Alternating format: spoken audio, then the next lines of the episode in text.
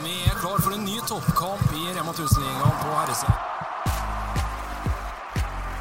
De må få en jevn kamp. Det er jeg rimelig sikker på. De legger opp til det. De må være på. Ja, Det viser litt hvor eh, gode duellspillere vi har med å gjøre.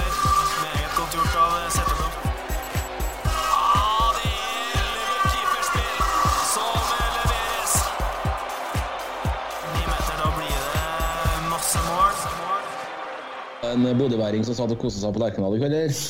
Ja, både, ja jeg, måtte jo sitte her med Lars Eggen, så jeg tenker at jeg måtte jo, måtte jo prøve, prøve å vise meg fra en god side. Men eh, jeg jubla jo jeg jubla når Glimt-resultatet satt sa det med. Men Ja, eh, de spiller bra på Lerkendal nå, ja. fy faen, dårlig. Det er jo dårlig, ja. Ah, skjer ingenting. Nei. Det, det, det er skremmende. Men eh, det, det, er jo, det er jo kjipt. Ja, det, sånn er Ryker de på lørdag nå, så tror jeg virkelig det blir, det blir spesielt. Da, da tror jeg han begynner å sitte litt løst, han eh, sjefen sjøl. Svein Målen da, kanskje midlertidig. Ja. Ja, de har jo tropp til å spille 4-3-3. Tross alt. Så nei, jeg, jeg vet ikke. Det, det virker litt planløst, da. Det, Ja, man har ikke grunnspill. Man har ikke grunnspill. det er liksom de sjansene de har i dag, det er bare sånn tilfeldigheter. Det er tilfeldigheter, ja. O- OK, Vetle. Eh, sendte jeg plan? Virka greit, eller? Ja, så fint ut. Så bra. Eh, så da tror jeg egentlig vi, vi bare kjører. Det blir selvsagt mye Kolstad og deg, sluttspill. Eh, litt innom eh, Elverum Nærbø, som egentlig heter Håndball-Norge snakker om for tida. Ja. Litt, eh, litt så der. Dere, uh, jeg, følger, jeg føler deres dere, dere leder an dansen, så skal jeg prøve å holde følge. Det artig for oss å være sjef en gang over deg, og det er faen ikke hver dag. Deilig. Petter, eh, er vi klar? når du vil kjøre på? Ja. Det er bare å kjøre på. Da er vi på episode 30 av Feil sperre etter oppstarten i september-oktober 2022. og Det betyr faktisk at da vi å, ja, skal vi begynne å gå løs på semifinaler i sluttspillet. Petter, eh, jentene starta henholdsvis i går og nå i, i kveld. Ble ekstraomganger på Hamar og, og Vipers banka. Larvik eh, 43-18, altså i, i Kristiansand. Eh, Sola drar i land en seier på Hamar. Hva er dommen? Nei, det er jo ikke overraskende. Eh, kommer jo egentlig mm, på stripe nå for Sola, som har et godt tak rundt eh, Gabrielsen og, og Storhamar. Det er ikke Det er ikke mm, Jeg vet ikke hva jeg skal si, men jeg syns jo fortsatt altså Storhamar har vel fire ut, og det er ganske sentrale Maja Jacobsen og Kristin Venn. I hvert fall dem to, som jeg tar fra hodet nå. Men, men eh, jeg syns ikke det er på en måte nok til at eh, Storhamar ikke skal vinne første semifinale på hjemmebane. Så men så har Sola kanskje egentlig vært svakere når de har vært spilt hjemme også, i år. Uh, og, ja, så den serien her gikk over. Men uh, sterkt av Stegaik og Sola å ta første, og artig for, for oss som skal følge det, at vi får litt spenning. Deilig. Gutta starter på, på fredag. Kolstad, Runar. Og da er det på sin plass at vi har tatt kontakt med Kolstad Arena, Kolstad og bodøværingen Vetle Haga. Velkommen hos oss, Vetle.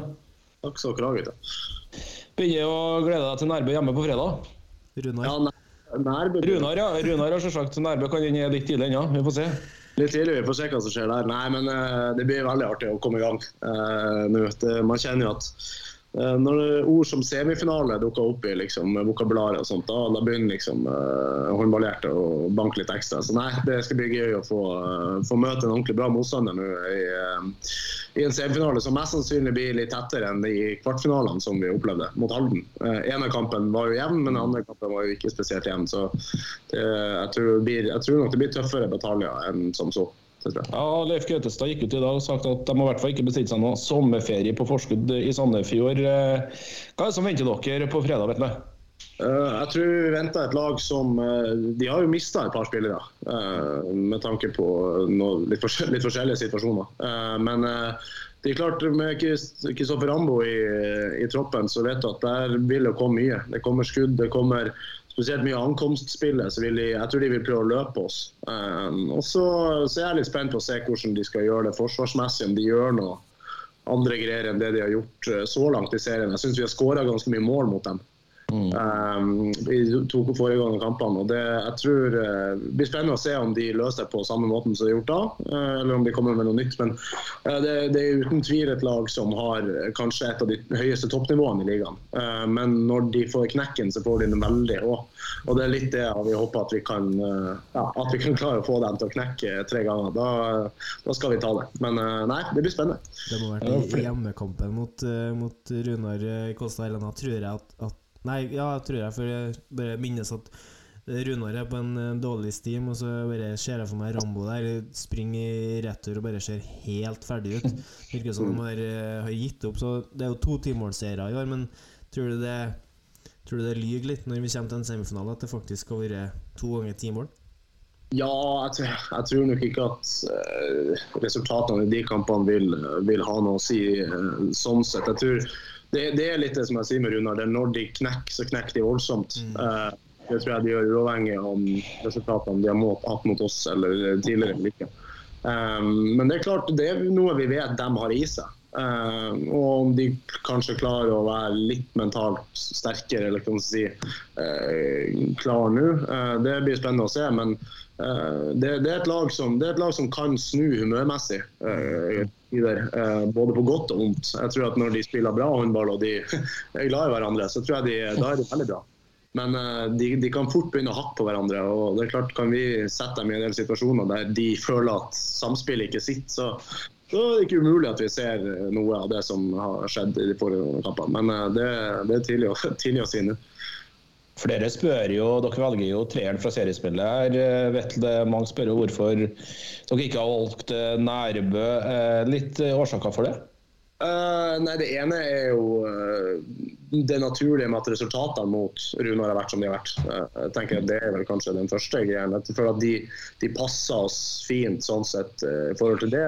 Mens at bortebanen av Nærbø syns jeg personlig er tøffere. Det er reise som er tøffere. Det er heksegryte. og det er klart at jeg synes det, det, er forskjell der på Runarhallen og det er forskjell på, på, på Loen. sånn sett. Så det, det, er vel noen naturlige anledninger. I tillegg til at Nærbø har hatt en veldig bra stigning uh, i sitt lag. og De spiller på en finurlig måte til tider. og det er klart at i et sluttspill når du har kniven på strupen, så, så er det kanskje enklere å spille mot lag som er litt mer forutsigbare. Eh, og det føler jeg vel at Runar er. Men igjen, toppnivået til Runar føler jeg kanskje er bedre, hakket bedre enn Nærbø sitt, men jeg tror Nærbø kan stille litt mer kjepper i hjulene enn det Runar gjør. Men kanskje så får jeg den i fleisen nå, og så kommer Runar med mye greier. Men ja, det er vel den generelle tankegangen jeg tror vi har hatt i det. Motivasjon, motivasjonsboost hvis vi sender denne lydfila ned til Sandefjord og Leif Køddestad Ja, ja, det er klart det. Det skal du få. Så prater man, så får man stå for sine ord. Nei da. det må være det, det, er naturlig å dra inn den her sagaen som har gått nå da med Andreas Høgseng. Men for dere ville jo òg møtt et mye bedre nærbelag enn det Elverum gjør. Så enkelt. Det koster I media i dag så står det at det koster Nærbø en halv million å ha med seg playmakeren sin i den semifinalen der. Hvis jeg spør deg har dere snakka om det før dere valgte, så svarer du nei. Men spørsmålet mitt er kanskje har dere snakka noe om det etterpå? Har, det, har den eh, semifinalen vært en, en snakkis i, i garderoben eh, i Kolstad nå? Uh, det er klart sak, altså Når den kom ut litt, den der saken, så var jeg av gårde i Slovakia. Uh, men ja, selv, selv, på landslaget var det snakkes litt sånn der folk spurte ja, men vet dere hva som De som ja, er utenlands, spurte oss litt hva som er greia. Og klart, Elverum-spillerne de fikk jo sitte der og svare litt for, uh, for situasjonen sånn som den var. Uh, men jeg har jo hørt at det har vært litt snakk her. Uh, men jeg, jeg føler at folk er ganske delt på det der. Uh, noen, er, noen, er, litt sånn at de syns at det er dårlig sport av Elverum og skal drive og ja, si at du får ikke spille mot oss, og, selv om det er en kontraktsgreie. Mens jeg er jo litt mer av den andre sida at smart av Elverum å skrive en sånn avtale. Det er innenfor, det, så lenge det er innenfor regelverket, så er det på en måte en, det er et virkemiddel du har. og jeg tror også at når den avtalen ble skrevet, så var det viktigere for Nærbø å få Andreas tilbake for den summen som var først, da, for om det var 100 000 det var. Og så har Elverum på at det blir 400 eller 500 altså de tallene vet man ikke helt. Men de, de summene som kanskje er da, de har lagt på den hvis han skal møte dem. Og det er klart det er smart Elverum. Uh, så hvis regelverket finnes og kan brukes sånn, så må man jo bare gi dem all kred for at de har funnet en løsning både økonomisk og sportslig som har gagna dem, da, i så fall. Uh, og I tillegg til at Nærbø hadde jo ikke vært der de er i dag om ikke de fikk Andreas tilbake. Så, så det har egentlig vært et pluss for Nærbø òg, selv om det er klart økonomisk er det kjipt hvis det, er det som skal liksom gjøre at han ikke spiller eventuelt mot dem i semien. Men ja, den er, den, den er finurlig saken. Men jeg syns ikke personlig at Elverum gjør noe feil der. Du nevner det jo litt, eh, herr Vetle, at det ble en snakkis på landslagssamlinga da dere var i Slovakia før dere reiste hjem til, til Norge og Gjøvik. der. Det var jo to Elverumsspillere og hvert fall som var med i den troppen i, i Thorsen Lien og, og, Tobias Grøndal. Hva sier dem? Uh, nei, de, de, sa vel ikke så mye uh, om det. Uh, men de, de, de, har bare egentlig sikkert fått beskjed om at de ikke sier så mye. Men uh, de var jo klare på at ja, den summen som har vært diskutert, er vel rundt 400 500 000. Den ekstra summen, da. Uh, at det er noe rundt der. De visste vel ikke kanskje helt ordrett, de heller. Men at det, det, ligger rundt de ryktene som man har hørt, det stemmer nok. Så uh, det er vel egentlig det eneste de sa om det. Hvor mye tror du en sånn sak har å si mot en semifinale? da, at den at den kommer opp, og, og alle skal spørre om den når man graver, og at du får en sånn ja, Det gikk jo nesten ei uke fra det begynte å, røre seg på Twitter, til, til det faktisk kom noe fra, fra, klubbene. Tror du det har noe å si for ja, tenninga eller eh, fokuset eller sånn inn mot semifinalene for spillergruppene? Uh, jeg tror Når man snakker på Elverums side, så tror ikke jeg spillerne blir påvirka av det. Uh, jeg tror nok kanskje Nærbø kan bruke det som bensin. Uh, og fansen litt kan bruke det som bensin. At de syns at det er ille, liksom. Eh, så det kan komme noe stikk derifra at det blir litt ekstra motivasjon av den grunn. Men jeg tror som, helt seriøst som spiller, så tror jeg du, ja, det, du spiller på en måte med dem som du får lov til å spille med, og så, ja, så er det som det er. Så jeg tror nei, spillemessig nei. Så tror jeg det er den største påvirkningen. Men eh, hvis vi beveger oss mot din klubb Kolstad, som du signerte for i forkant av denne sesongen. Vetle, det endte med et seriemesterskap og et uh, cupmesterskap uh, hittil. Det kan bli en uh, trippel. Uh, det dere har prestert denne sesongen, er meget imponerende, meget sterkt. Er dere litt overraska over at det har gått så knirkefritt, hvis vi skal kalle det det? Altså, ordet knirkefritt, så kan jeg vel si at jeg er litt overraska. at vi har vært så stabilt bra klart med unntak av den Fjellhammer-kampen der vi falt igjennom siste 20. Uh, eh, men det vi har liksom vært stabilt bra i de fleste kamper. og det På en måte så er jeg ikke overraska fordi vi har en tropp med veldig mye stabile typer, om vi kan si det sånn. Vi har noen spillere som er litt høyt- og lavt-spillere, som, som, alle lag har. mens vi er liksom en, en ganske stor gjeng som er både mentalt i balanse og spillemessig i balanse, om man kan si det sånn. Så um, jeg visste I forkant av sesongen så slet vi mye i oppkjøringa, men uh, det følte jeg var veldig naturlig at vi skulle gjøre. Uh, og Jeg var egentlig glad for at det var litt sånn at vi ikke hadde en, liksom, en oppkjøring der vi hadde masse bra seire og resultater, som at det liksom kunne lyge litt på at vi er, tror at vi er, er liksom på plass. Men uh, jeg syns vi har liksom beholdt roen og bare jobba sakte, men sikkert med systemet. og eh, ja, eh, er av den grunn ikke spesielt overraska over nivået de har inne. Men at det har vært ja, så stabilt i hver eneste kamp, det er klart det, det, det, er en gøy overraskelse. om man kan si det sånn. En morsom overraskelse. Men, men det er klart, vi har en voldsomt bra treningshverdag. Eh, ja. Og det føler jeg kanskje er den aller største grunnen til at vi har vært så bra som vi er. Eh, det er ikke noe tvil om at nivået på trening som vi har til tider, er høyere enn visse av de lagene vi møter i kamp, når de stiller sitt beste lag på banen. Og Det er klart det gjør at eh, alle spillere utvikler seg. Og det gjør at vi pusher liksom grensene hele tida. Der føler jeg at det har bidratt til at vi har vært stabile. Det er jo et tap til da, som måte utkrystalliserer seg denne sesongen. og Det er jo bortekampen mot, uh, mot Bidasoa.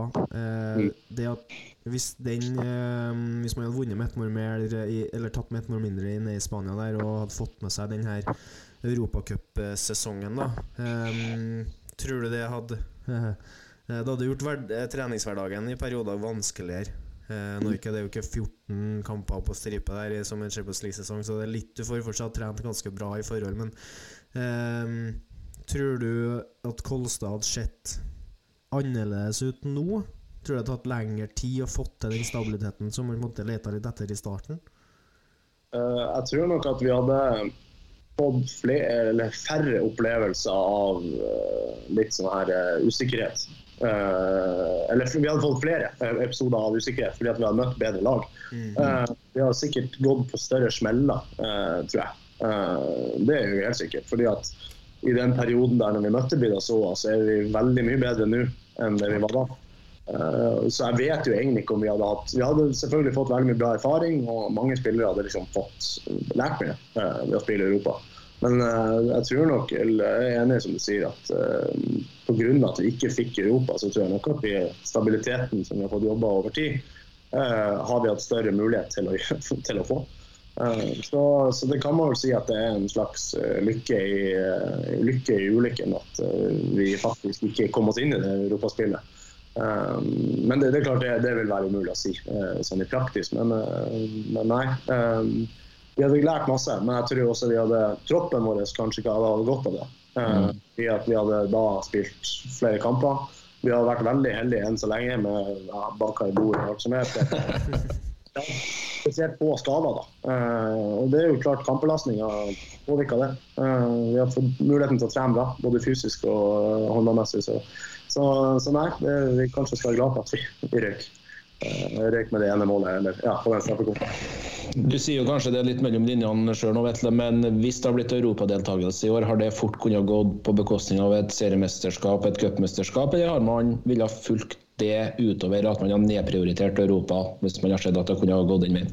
Åh, det er vanskelig å si. Eh, men eh, utvilsomt at det hadde påvirka resultatet i en del kamper. Eh, det hadde nok gjort at man energimessig, spesielt kanskje de kampene når man da opplever en kul motstander i Europa, også si at man har hatt et lag som ikke er kanskje så fancy i ligaen eh, rett etterpå. Så kanskje det hadde vært tøffere kamper eh, for oss mentalt enn de har vært nå. Eh, for det har vi sett at vi har prestert dårligere i visse kamper mot lag som ligger lenger ned på tabellen. Eh, Men allikevel så vinner vi med kanskje ti mål, men prestasjonen er ikke voldsom.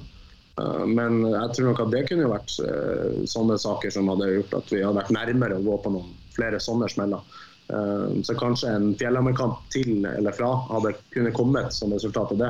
Men ja, det er klart det blir hypotetisk å tenke sånn, men det, det er ikke umulig. At, og da igjen et seriemesterskap kunne man ha røket på, eller cupmesterskap kunne, kunne ha forsvunnet pga. det. Når man i neste sesong da går inn i denne sesongen, her har man jo på en måte ikke hatt eh, to seksere som eh, vinner eh, ligaen. Men når man går inn i neste sesong, så har man jo faktisk to seksere som, som vinner ligaen. Eh, så, så si i hvert fall, for du har en sekser i år, og så får du inn tre backer og en linjespiller.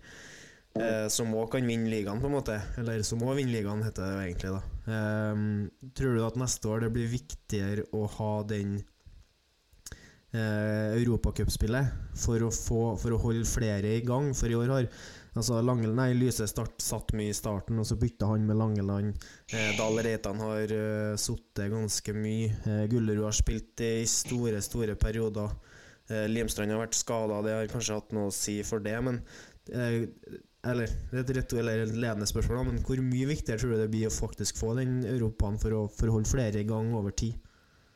Eh, Jo, jeg tror jo det vil være kjempeviktig. og Det er vel også litt for at fortsatt at dem som kanskje ikke spiller mest, at de får utvikling. eh, At de kan fortsette utviklinga. Det er klart Mye utvikling har de fått nå i treningsarbeidet fordi at man ikke sant, står i den situasjonen mye. Men det er klart man må spille kamper for å både lære, men òg for å liksom ha erfart ting. eh, Sånn at når man plutselig står i viktige kamper, at man ikke Ja, det er ikke nytt for deg. Eh, så er det klart at de, de kampene som kommer i Europa neste år, om det eventuelt er nest høyeste nivå eller høyeste nivå, så kommer de til å være fysisk veldig krevende. Mm. Uh, en del motstand. Uh, og det vil naturligvis gjøre at eh, da, da vil ikke de spillerne som går mye i de kampene, kanskje klare like mye i de seriekampene. Så nei, eh, det, det, kommer være, det kommer til å være spennende og det kommer til å være viktig eh, for hele troppen å få og så blir det spennende å se hvordan trenerteamet òg uh, velger å disponere det. Kristian er jo en fan av å gå ganske hardt på, uh, på få spillere. Det er jo den generelle tanken vi gjorde med landslaget, og det har han gjort med oss. Så det er liksom litt hans filosofi. Det vil jo da bli spennende å se hvor, hvor mye egentlig utskiftinga det blir i løpet av de kampene som kanskje er mindre vanskelige. Liksom. Men nei, det blir spennende å se. Apropos trenerteam, trenerteam når du er inne på det. Kristian Berge linkes til, til Island. Hvilken betydning tror du det vil ha for Kolstad med de to jobbene kombinert? Hvis han velger å takke ja? Uh, ja, hvis det nå skulle bli sånn, så tror jeg jo Det ene delen er jo at Kristian selvfølgelig er jo mest sannsynlig veldig motivert til det, hvis han takker ja til det. Uh, så det, det tror jeg han blir å se på som en energiboost for han å få lov til å gjøre noe som jeg syns er kult. Og jeg tipper jo at det er i hvert fall denne her januar-feelingen som er nok det han savna. Å kunne liksom jobbe intensivt i et mesterskap og uh, få den biten der. Uh, men det er klart at det, vil gjøre at de spillerne som er hjemme her i Norge uh, under en januarperiode, vil jo ha kanskje Da mangler man jo Kristian som en ressurs. Uh, nå vil jo Gomo være her, og resten av teamet vil jo være her. Men klart Kristian er en fantastisk trener og har mye ting der. så det er klart det vil jo påvirke at ja, inputen som han kan gi under en sånn periode som januar er, med mye trening og sånt, så det er klart der, der vil man få et minus. Men for Kristian sin del så tror jeg at den eh, ja, både inspirasjonen han tar fra spillere når han diskuterer håndball og ting han opplever, er klart det, det vil for han være, uh, være positivt i den forstand at han, han, vil få med nye ting som han kan implementere hos oss på tid. Uh, og får jo mest sannsynlig ideer fra ganske bra spillere som de har på Island mm. om hva man kan gjøre i visse situasjoner. Så jeg tror at Eh, for hans del så tror jeg det vil egentlig stort sett bare være pluss. Eh, er klart at han klarer å kombinere med alt av familie og hele den, den biten her. Men det, jeg tror ikke han takker ja til det her med mindre at han faktisk har tenkt over at jo, det, det vil gå i pluss. Så, så for Kristians del så tror jeg det er nesten bare utelukkende positivt. Og så får man jo se da hvor, hvordan det påvirker. Eh, spesielt den januarperioden, tror jeg, i, i Kolstad. Men bortsett fra det så tror jeg ikke, syns jeg ikke det er noe negativt i det hele tatt. Så han har ikke takka ja ennå? Nei, jeg har ikke hørt en dritt. Eh, så det, der, der er jeg like, like, in the dark som dere er, så det er ikke peiling.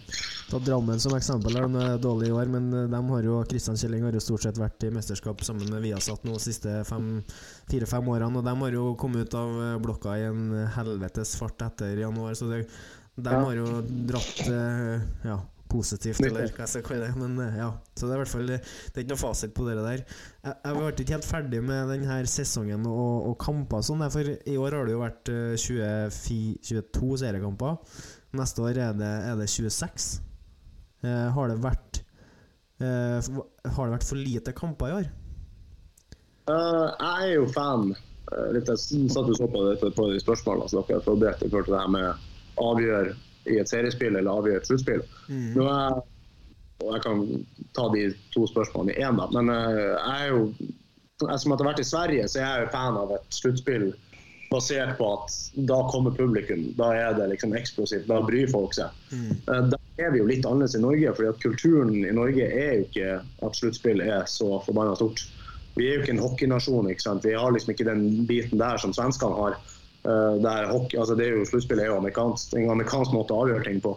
Uh, så jeg er jo i utgangspunktet fan av en liga som man, sånn som Bundesliga, der man avgjør mm. den viktigste plassen og da Champions. Mm. Der, ja.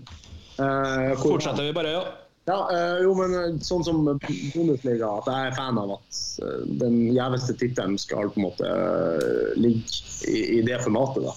I hvert fall når man vet at interessen er sånn som den er i, i Norge når det kommer til sluttspill. og mm. Man har vel sett den effekten publikumsmessig som man hadde håpa på. Um, Elverum har vært bra på det fordi at de vinner, og de har vunnet hvert eneste år. Det er klart at Der, der skjønner de at sluttspillet er det som gjelder, men jeg syns ikke man har sett det ellers. Um, og litt i forhold til det, da, så er det klart da, hvis man ikke skal til sluttspill, så er det for få kamper. Med 24 og da neste år 26. Uh, så det er jo kunne man da øka på ligaen for å fått enda mer, det, er klart, da vil jo forskjellen på kvaliteten vil bli veldig stor. Uh, det er jo kanskje det i Bundesliga også. Det er klart Bundesligaen er bedre, for der er det den mest pengesterke ligaen. Så der er selv de dårligste lagene i hvert fall OK. Um, så Det er jo den store faren. da, at Hvis man skulle utøka på ligaen og bare hatt det, så, så ville det kanskje ikke vært nok kamper som er konkurranseprega. Eh, så, så jeg syns jo teoretisk sett ja, det er få kamper i et seriespill, så da må man kanskje ha et sluttspill som gjør at man får strekt ut sesongen.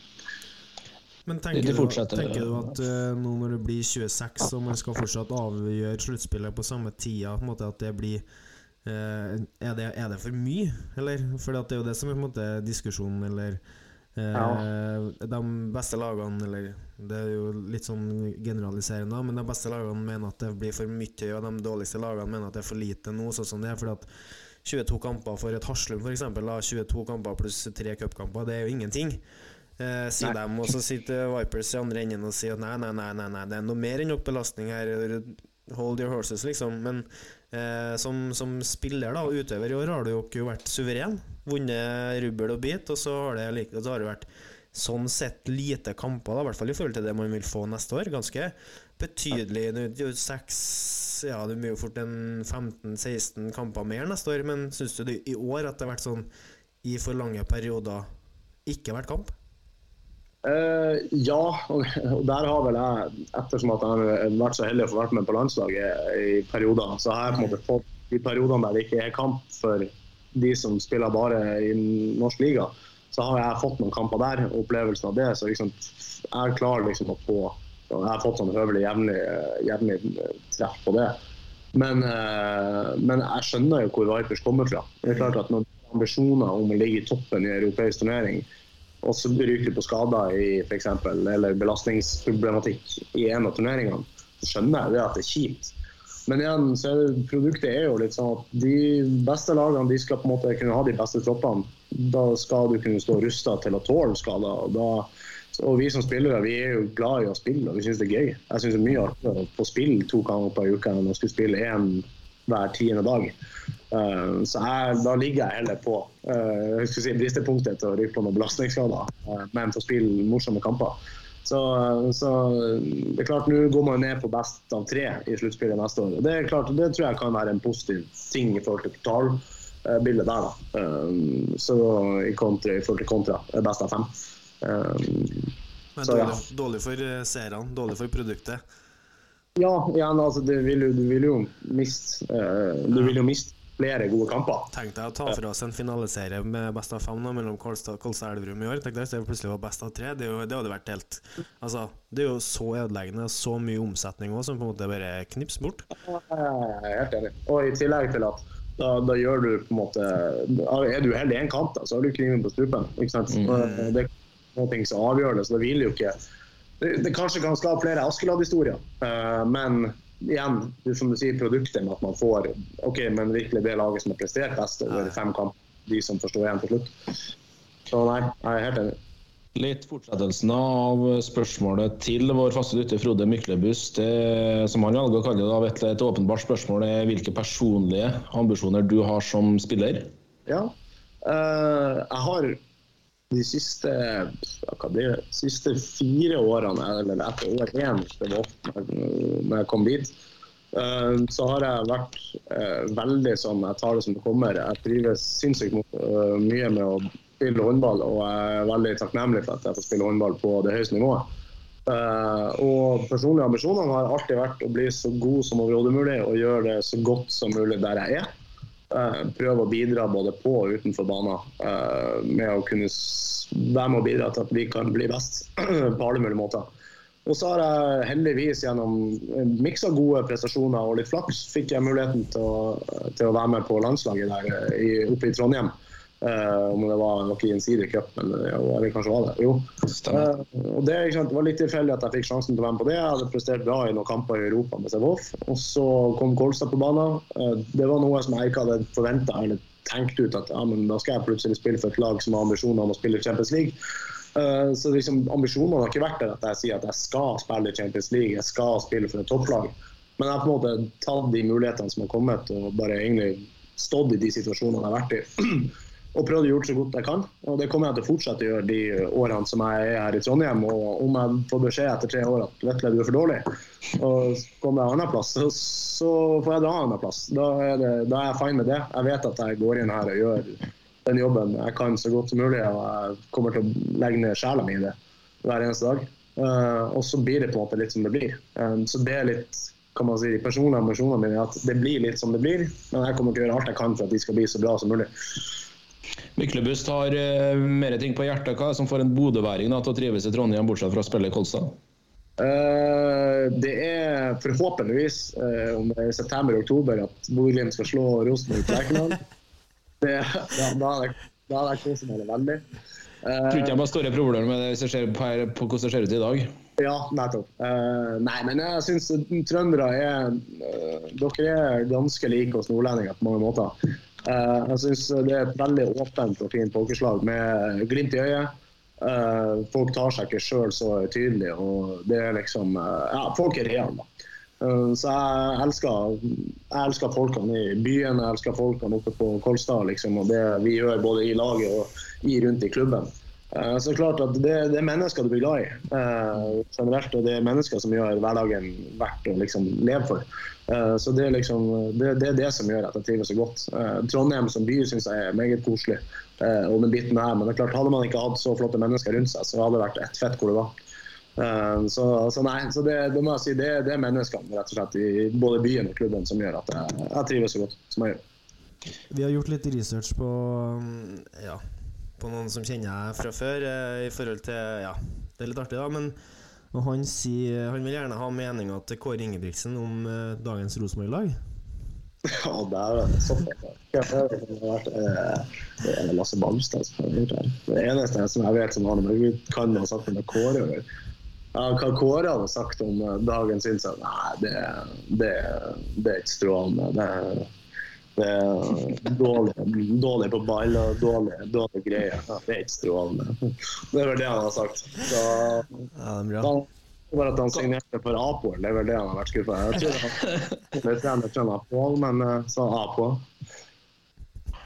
Fantastisk. Det er Kasper Foss, du har vært challenge. Liten trønderdialekt òg, som du kunne på en måte ha lagt deg om til å blitt ordentlig trønder.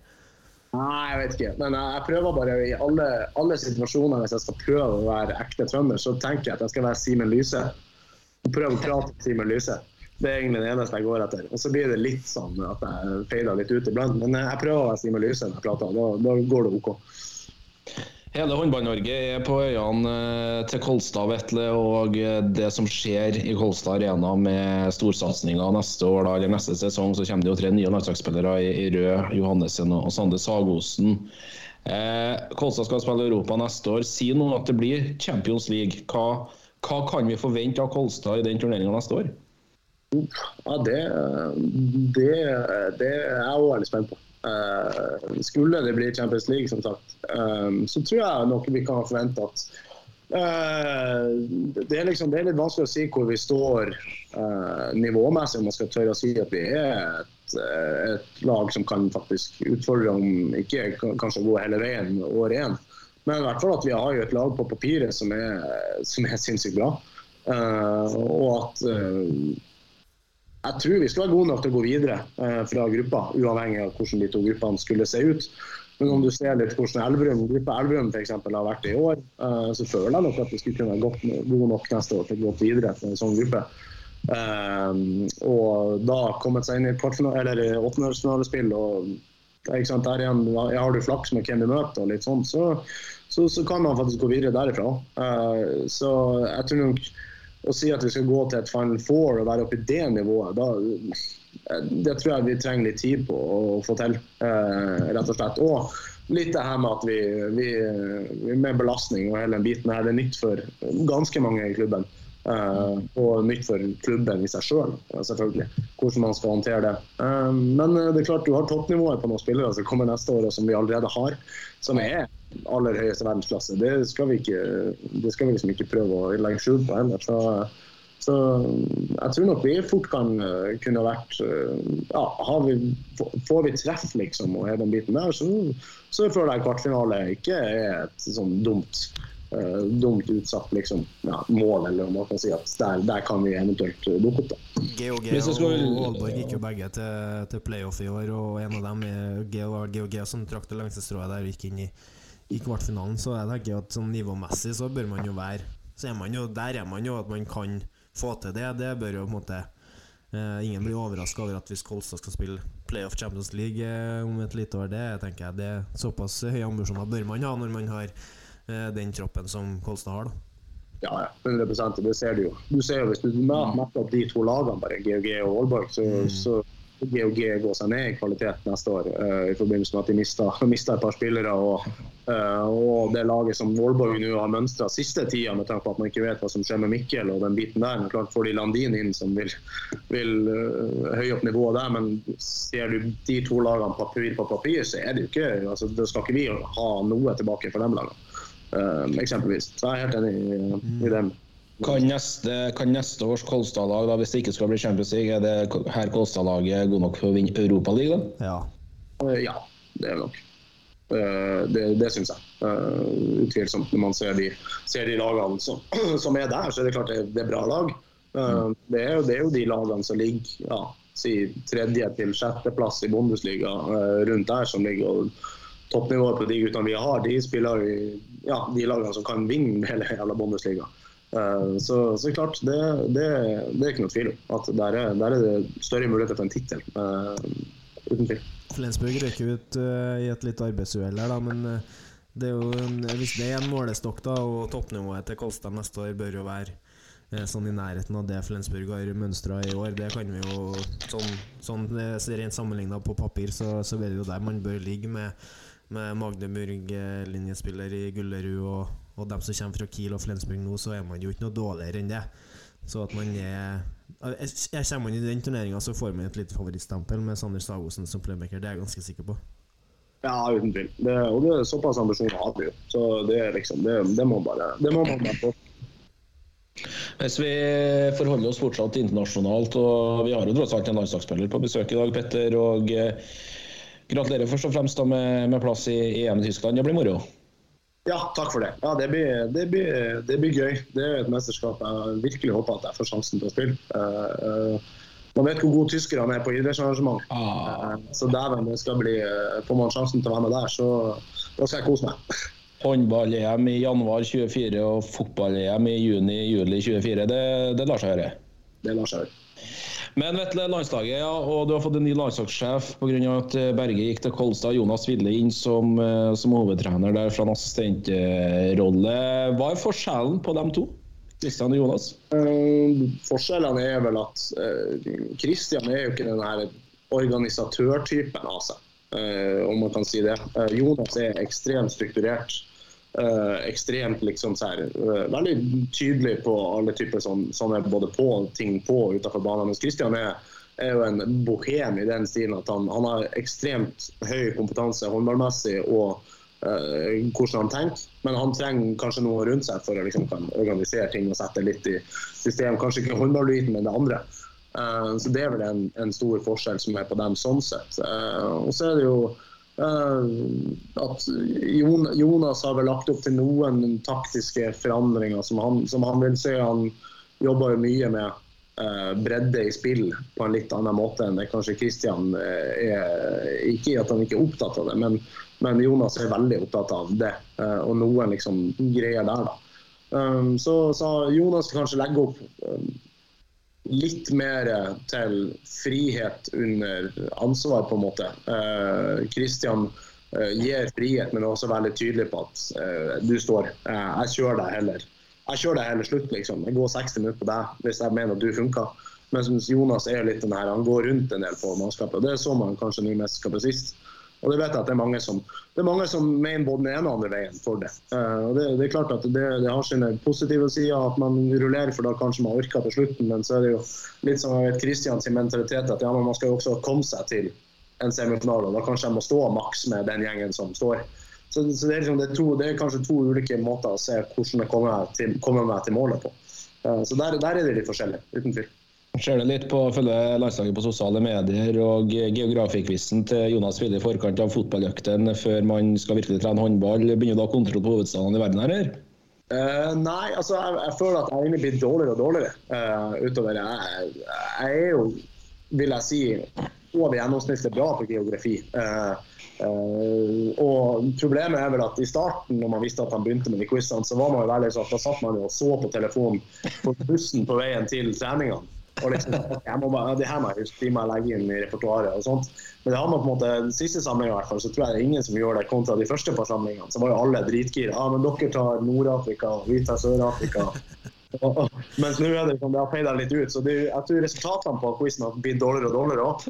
Altså, det er litt sløvt. Der føler jeg at det må, der må vi høyest. Vi har to VM-sølv å vise til, henholdsvis i 17 og 19 og bronsen i, i 20. Når er det tid for oss å gå, gå hele veien? Ja, øh, det er også et godt spørsmål. Jeg følte jo at mesterskapet ja, mitt første der i Ungarn og Slovakia. så er det jo et, dessverre et arbeidsuhell de siste fem minutter mot Sverige der. Uh, som er fortsatt tungt den dag i dag. På. Jeg har en svensk kjæreste, og hun, meg, hun minner meg på det ofte. det var sånn, det er en sånn sur greie, for der følte jeg der, der burde vi gå til semi. da hadde man vel møtt ok, hva hadde de møtte i semien? Det var Frankrike de møtte, og det var ikke den beste franske nasjonen man har sett. Så, jeg føler liksom man har hatt to og nå sist mot Spania òg, så hadde vi den. så det, er liksom, vi vi er nære på å være inne i semistriden. Uh, det er vi. Utvilsomt. Uh, men når man skal stå på toppen, det, det er liksom det er såpass marginer i denne idretten at det, det, føler jeg er så tilfeldig når du først kommer dit. Um, at, klart, Danmark er sterk. Synes jeg, Danmark er nok kanskje det beste landslaget fortsatt og vil være det og ha favorittstempelet de nærmeste tre-fire årene. Uh, men det er klart, uten Mikkel nå, da, så jeg ikke helt vet hva som skjer der. Mm. Det har vært en del av DNA-et til Danmark. da. Uh, så, så, jeg føler at vi er liksom i den skorpa der fra lag fire til seks, syv. Uh, som kan være utfordrere hvert eneste mesterskap. Men jeg vil ikke sette oss i noen sånn favorittposisjon der vi skal kunne forvente å ta, ta et gull eller noe sånt. Det, det synes jeg ikke vi det har ikke vi vist de siste to mesterskapene at vi kan det. Sånn eh, fra innsida, da, hva er det som eh, Hva føler dere, eller du da, kanskje mest på at Hva er det som på en måte Hvor trykker skoene mest, eller hva ville på en måte hjulpet mest til at man kunne ha tatt et, tatt et steg til? Ja, tatt et steg til. Altså Nå syns jeg jo generelt at uh, den bredden som mange av de topplagene har mm. uh, har jo generelt sett vært større uh, enn det vi har hatt i Norge. altså Med tanke på spillere som har spilt i de største klubbene, spillere som har, liksom, uh, har høye, høye kvaliteter. Der føler jeg at vi er blitt bedre uh, rusta nå over tid. Man ser det på de ulike posisjonene at nå har vi på begge eller på alle posisjoner har vi en eller to som spiller i toppland. så vi er liksom, Nå begynner bredden å komme dit at er, det, det er ganske bra. Eh, så er det litt her å finne noen taktiske virkemidler som kan være annerledes enn det alle andre gjør. Uh, og det er kanskje vi må gå i visse perioder. At vi ikke kan spille et vanlig kanskje tradisjonelt 6-0 uh, eh, som man har gjort i Norge i alle år. Men nå har man kanskje gått over til å prøve å være litt mer dynamisk, litt mer flytende. Nå la vi inn et 5-1-spill mot Finland som nesten litt det bare, eh, sånn i startfasen. Men altså, prøve å finne noen nye måter å tenke på eh, bakover, kanskje spesielt, for å ha sånn virkemidler inn i kamper. Der følte jeg landslaget ikke har gjort det de siste ti årene. Det har man stått på sin måte. Uh, mm. Men det gjør at man må komme seg bare og ha noen virkemidler til. Så jeg mener at ja, forsvarsmessig at man, man, har noen prosent å hente uh, på at man kan bli mer utfordrende og bli bedre på å spille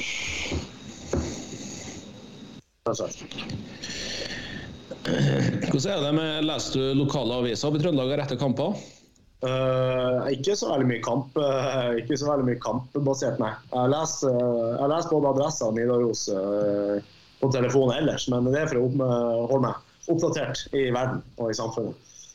Og En av våre flere faste lyttere, Leif Inge Brekke, spør nettopp om det, om du leser børsen til Lise Lotte i Nidaros etter Kolstad-kampene? Uh, jeg får lest den hvis andre i bussen eller andre i nærheten har ja, de sitter og blar gjennom den. Uh, og så er det liksom, ja, se her, så, så, kan jeg liksom se gjennom det. Men det er ikke, noe, jeg, det er ikke en fast uh, spalte jeg er innom. det er det ikke. Men jeg har lest et par, ja. ja. Snittet, da? Fornøyd? Uh, jeg har ikke peiling hva det snittet er. så det vet jeg ikke. Liselotte jeg synes hun skriver jo på en morsom måte. Uh, hun skriver på en måte som gjør det interessant å lese, istedenfor at du, bare formulerer deg på den kjedelige, klassiske kan man si, uh, kommentatormåten. Så jeg syns hun er finurlig med språket. Og så er det selvfølgelig det er ikke alltid man er enig i hva, hva som skrives eller hva som sies. Det er klart, Der er jo håndball. Heldigvis er jo vi som spiller på banen, vi, vi, vi vet jo ofte sjøl at en aksjon du gjør, kan være ekstremt usynlig, men den er viktig i øyeblikket der og da. og Det er kanskje ikke så lett for folk som sitter og ser på ellers, å se det. Eh, så man vet at man må på en måte ta de bedømningene som kommer fra andre. Man må ta, ta dem med en klype salt. Eh, ikke fordi at bedømninga kanskje er feil, men det er fordi at man kanskje ikke ser alle nyansene som er viktige. Så det er vel mer det. Eh, så, men jeg syns hun er- generelt sett hun er flink. jeg. Så det, jeg, skal, jeg skal ikke klage på de, de dommene som jeg har sett. Så ja, det er greit. Vi satt jo sammen med å- satt jo sammen med under eh, på, på cupfinalene i Arendal. Vi satt på pressetribunen der, og, og, og det er jo det, det jeg syns er litt kult med måten hun gjør det på, er at hun, hun, hun gir jo totalt faen i hva noen andre mener om det hun skriver.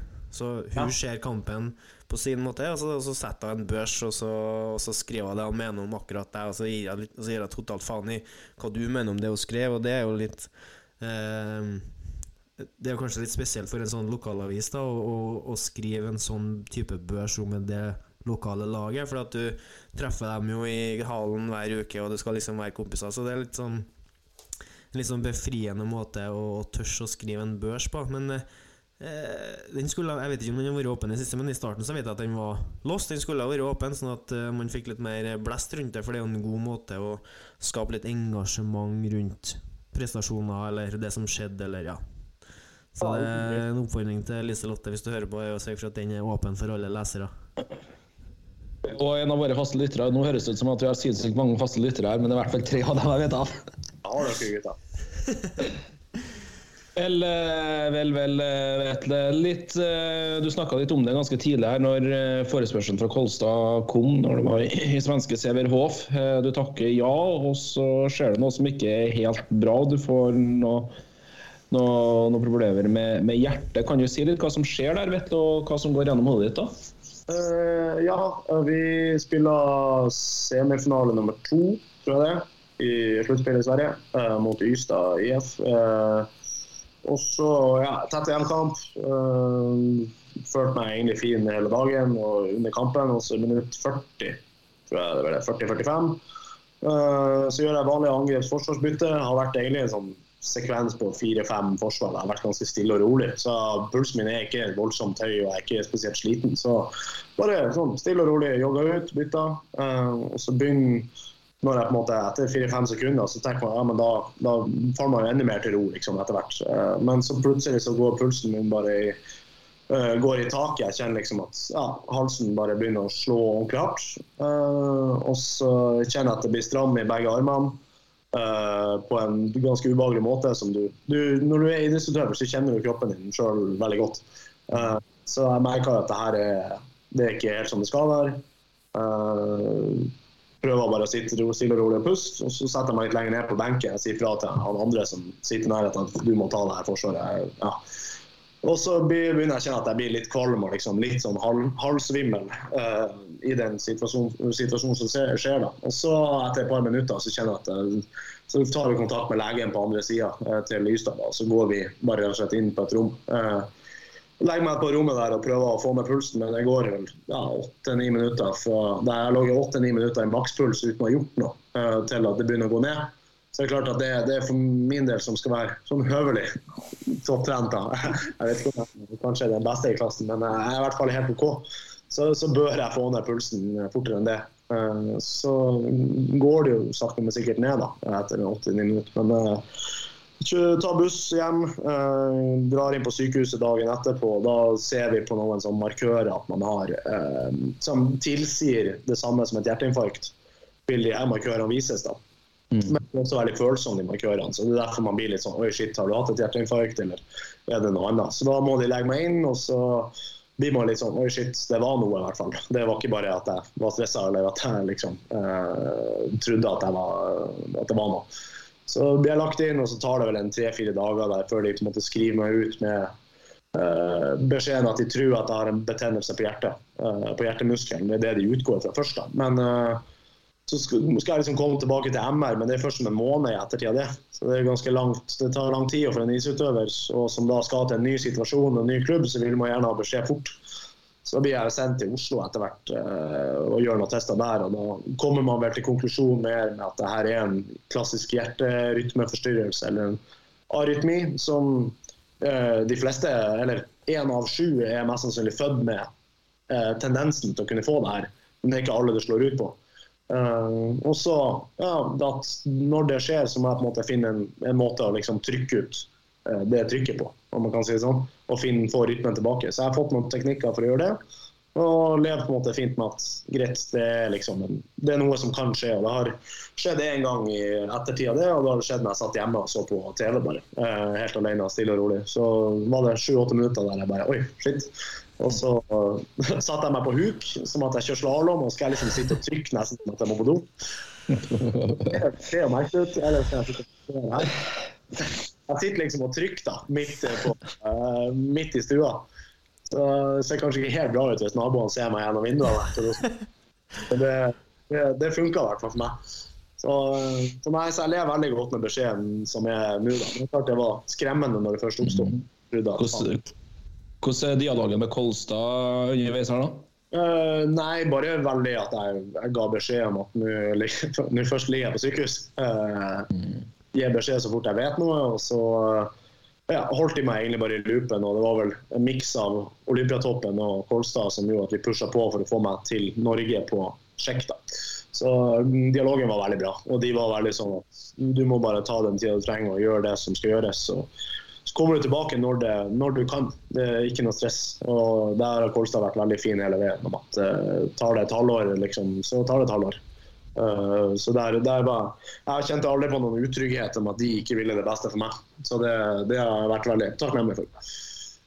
Ja, godt å høre at du er i toppslag igjen, eh, Vetle. Det, det er veldig viktig for oss som er glad i håndball og liker å se deg spille håndball. Det, det er helt eh, su suverent.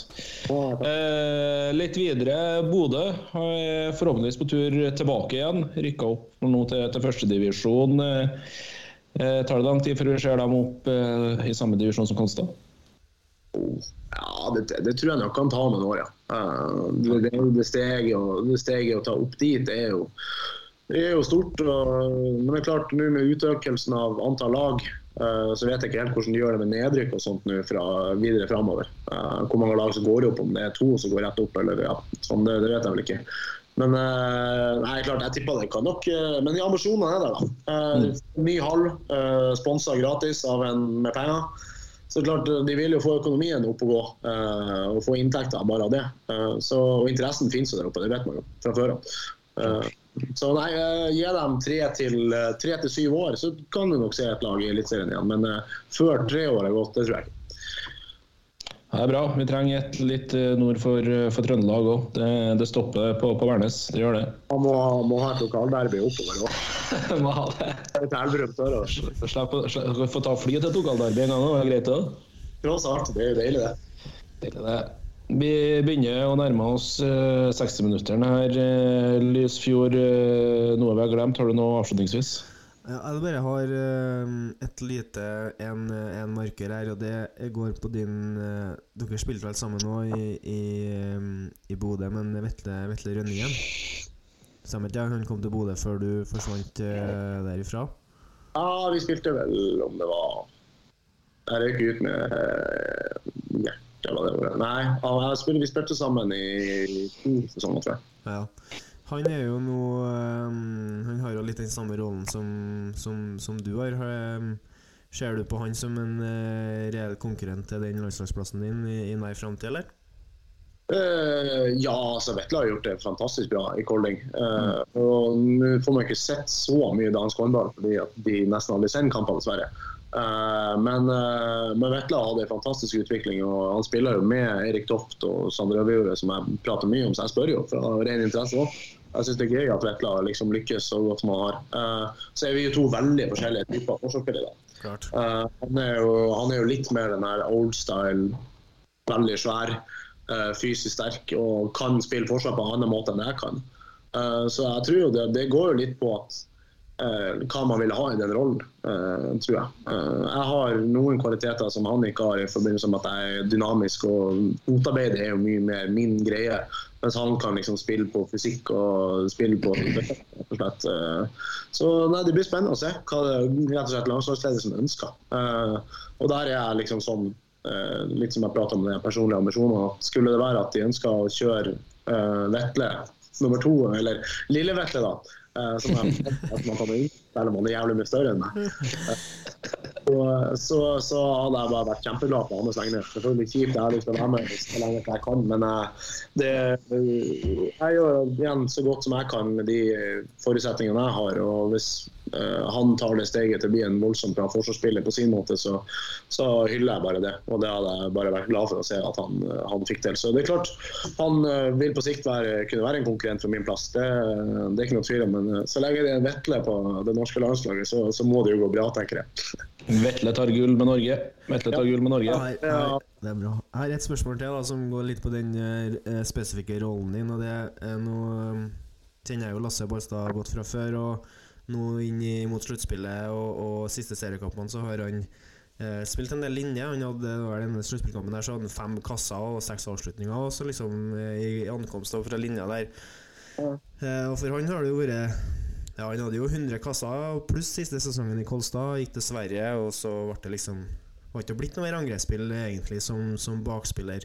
Og Det er jo litt det samme Nå fulgte jeg deg like tett i Sverige, da, men det er jo litt det samme som deg. Du, du gjorde deg jo ikke bort i angrep i, i Bodø eh, når du var der, men eh, liksom blitt mindre og mindre angrepsspill, da. Tenker du at det liksom er Altså, Trener du nå på, på linjespill, eller er man fullt fokusert på, på den oppgaven som står i forsvar? Uh, ja, nei, jeg og Lasse har nok hatt veldig lik reise. Uh. Eh, det er liksom det er godt å være spillere som har gjort ganske mye mål eh, til å liksom bli rene forsvarsspesialister. Og I treningsarbeidet så, så er det bare forsvar eh, for min del. Eh, I Sverige spilte jeg litt strek. i en periode. og ble brukt både i syv mot seks og, og i det vanlige spillet. Så, så da var jeg andre strek de siste to sesongene som, uh, som der.